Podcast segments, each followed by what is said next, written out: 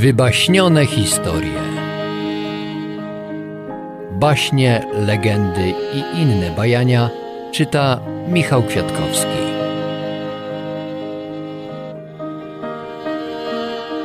Hans Christian Andersen Królowa Śniegu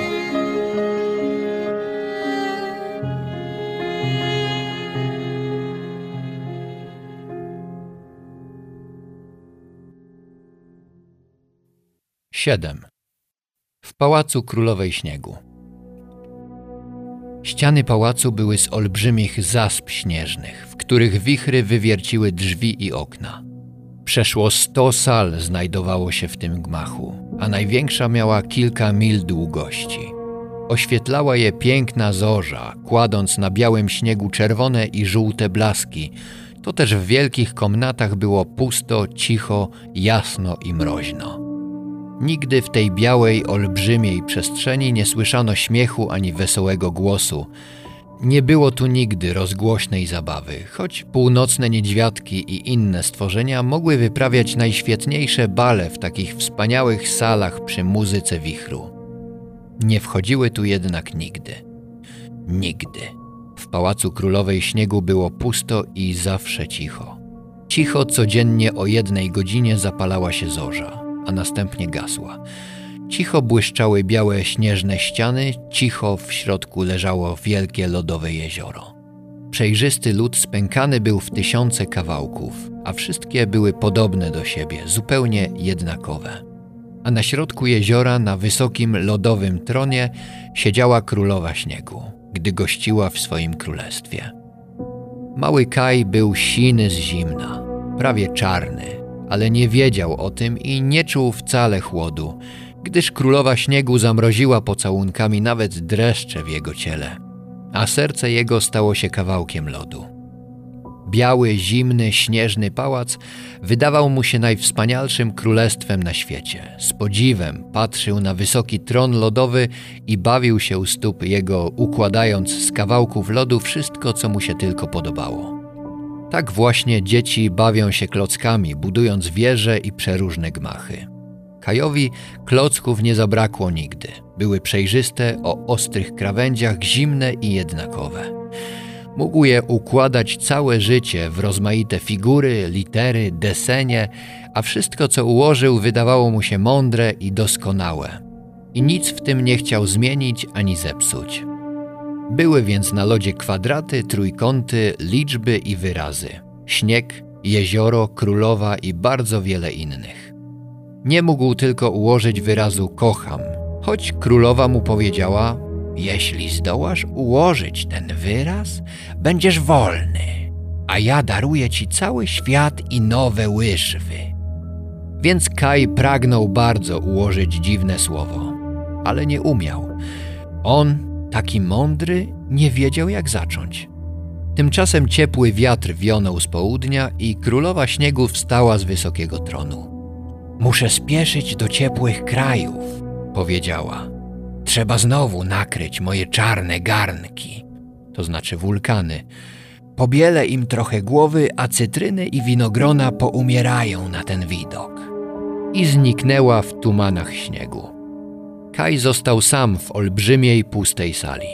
Zrobił sobie z kawałków lodu wygodne siedzenie, usiadł, patrzył na ułożone przed sobą litery, milczał, myślał i siedział nieruchomy, sztywny, zimny i siny, jak zamarznięty. Wtedy właśnie Gerda weszła do pałacu. Ostry wicher z przeciągłym jękiem rzucił się ku niej, aby ją zatrzymać, ale zaczęła modlić się goręcej i wiatr ucichł i przypadł spokojnie ku ziemi, jakby kładł się do snu. Gerda weszła do olbrzymiej sali, pustej, białej i cichej. Nagle zobaczyła Kaja. Poznała go natychmiast. Z okrzykiem radości pobiegła ku niemu, obie ręce zarzuciła mu na szyję i mocno przyciskając go do serca, wołała uradowana: Kaju, kochany Kaju, znalazłam cię wreszcie! Lecz Kaj siedział cichy, sztywny i nieruchomy. A jaki zimny!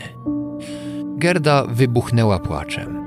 Jej łzy gorące padały mu na piersi, przenikały mu do serca, roztopiły lodową bryłę i spłukały z niej okruszynę czarodziejskiego zwierciadła, które było przyczyną całego nieszczęścia. I nagle serce zabiło mu mocniej. Zimny dreszcz przebiegł ciało, zdumiony podniósł oczy na Gerdę, a ona zaczęła śpiewać Co ja kocham na tym świecie, złote słonko, jasne kwiecie, Boże ptaszki śpiewające. A kiedy wymówiła słowa Wszystko kocham serca biciem, a przestanę chyba z życiem, Kaj przypomniał sobie nagle krzaczek róży, dom, rodziców, babkę, Gerdę i wszystko, co się stało – i zrobiło mu się tak smutno, tak smutno w tej wielkiej, białej, pustej, strasznej sali, że wybuchnął ogromnym płaczem, a ze łzami spłynął natychmiast i drugi okruch szkła czarodziejskiego, który mu tkwił w oku. Wówczas dopiero poznał naprawdę Gerdę i wydawała mu się tak piękną jak dawniej. I uczuł, że ją kocha tak mocno jak dawniej i aż krzyknął z radości i objął ją także rękami – i ściskali się serdecznie oboje, płacząc i śmiejąc się razem ze szczęścia. Po raz pierwszy w białym pałacu u stóp tronu królowej śniegu rozległy się nieznane tu głosy wesela. To też zdumione lodowe jezioro pękać zaczęło z wielkiego podziwu, a kawałeczki lodu, dotąd nieruchome, kręciły się w szalonym tańcu, podskakując i uderzając o siebie, aż zmęczone upadły znowu i same ułożyły się w ten dziwny wyraz, za który Kai miał otrzymać wolność, cały świat i nowe łyżwy. Pałacu królowej śniegu na lodowym jeziorze u stóp wysokiego lodowatego tronu jaśniał w blaskach zorzy północnej nieznany tu tajemniczy wyraz. Kocham. A dzieci stały przy nim uśmiechnięte, opromienione złotem i różowym światłem – Gerda pocałowała Kaja w twarz, a sina twarz jego stała się rumianą. Pocałowała go w oczy i stały się znowu jasne i błyszczące. Całowała mu ręce i stały się silne. Całowała mu nogi i utraciły sztywność i stały się zdrowe. I Kaj powstał z lodowego krzesła, raźny, zdrów, silny i dobry jak niegdyś. Teraz mogła powrócić i królowa śniegu. Był zupełnie wolny. Wolność jego jaśniała u stóp wysokiego tronu tajemniczym wyrazem w blaskach północnej zorzy. Dzieci wzięły się za ręce i wyszły z okropnego pałacu.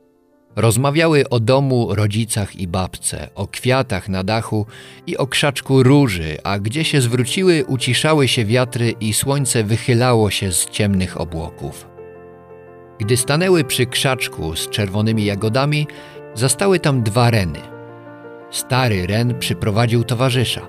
Dobre zwierzęta zaniosły Gerdę i Kaja najpierw do starej Eskimoski, gdzie dzieci wygrzały się w gorącej izbie, a następnie do Laponki, która przygotowała im na drogę nowe suknie i powiedziała, którędy mają iść. Oba Reny odprowadziły dzieci do granicy swego kraju i pożegnały tam, gdzie zniknęły śniegi, a ziemię i lasy okrywa świeża zieloność. Bądźcie zdrowi, bądźcie zdrowi, powiedziały sobie nawzajem. Powietrzu zaświergotały małe ptaszki, las zaszemrał młodymi listeczkami i na małym ślicznym koniku wyjechała z pomiędzy drzew jakaś dziewczynka w czerwonej czapeczce i z pistoletem za pasem. Była to mała zbójniczka na kucyku, którego Gerda dostała od księżniczki wraz ze złocistą karetą. Gerda i zbójniczka poznały się natychmiast i wydały okrzyk radości. Znalazłaś Kaja! wołała ucieszona zbójniczka. Powracamy do domu, odpowiedziała szczęśliwa Gerda. Dziękujemy ci za wszystko. Chciałabym podziękować też księżniczce, Wronie i Krukowi. Księżniczka wyjechała w daleką podróż. A Wrona? Wrona nie żyje. Kruk nosi po niej żałobę. Pozdrów go od nas rzekła ze smutkiem Gerda.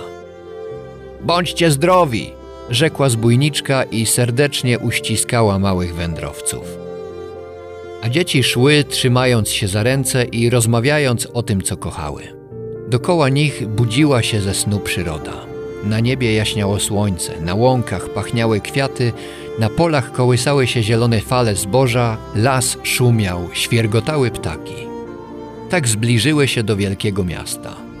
Dzwony odezwały się z wieży kościelnej i dzieci poznały ten dobrze znany głos. I poznały ulice, domy, sklepy i bramy. Ściskając się za ręce, biegły do swego domu, po znanych schodach, na znane poddasze, do izdebki, gdzie upłynęło im dzieciństwo. Nic tu się nie zmieniło. Sprzęty stały na swoim miejscu, na zegarze posuwały się wskazówki, a wahadło wbiegało w tę i ową stronę, powtarzając tym samym jednostajnym głosem tik-tak. Wchodząc przez drzwi, zauważyły dopiero jak urosły w przeciągu tego czasu. A tam, przy oknie, stały ich małe krzesełka. Babunia siedziała na starym fotelu i modliła się z książki, a słońce oblewało złotym blaskiem jej siwą głowę. Jak tu ślicznie, jak jasno, jak wesoło. O pałacu królowej śniegu zapomnieli. Usiedli znowu na małych stołeczkach jak dawniej i spojrzeli na drewnianą skrzynkę, w której rosły powoje i groszki pachnące. Na krzaczkach róż rozwinęły się prześliczne kwiaty i zdawały się uśmiechać do nich, nachylając różane główki w stronę okna. A dzieci zaśpiewały razem. Co ja kocham na tym świecie? Złote słonko, cudne kwiecie, Boże ptaszki śpiewające, jasne rosy w kwiatach drżące, błękit nieba i obłoki, cały piękny świat szeroki. I chatynkę pobielaną, i mateńkę ukochaną, wszystko kocham serca biciem, a przestanę chyba z życiem.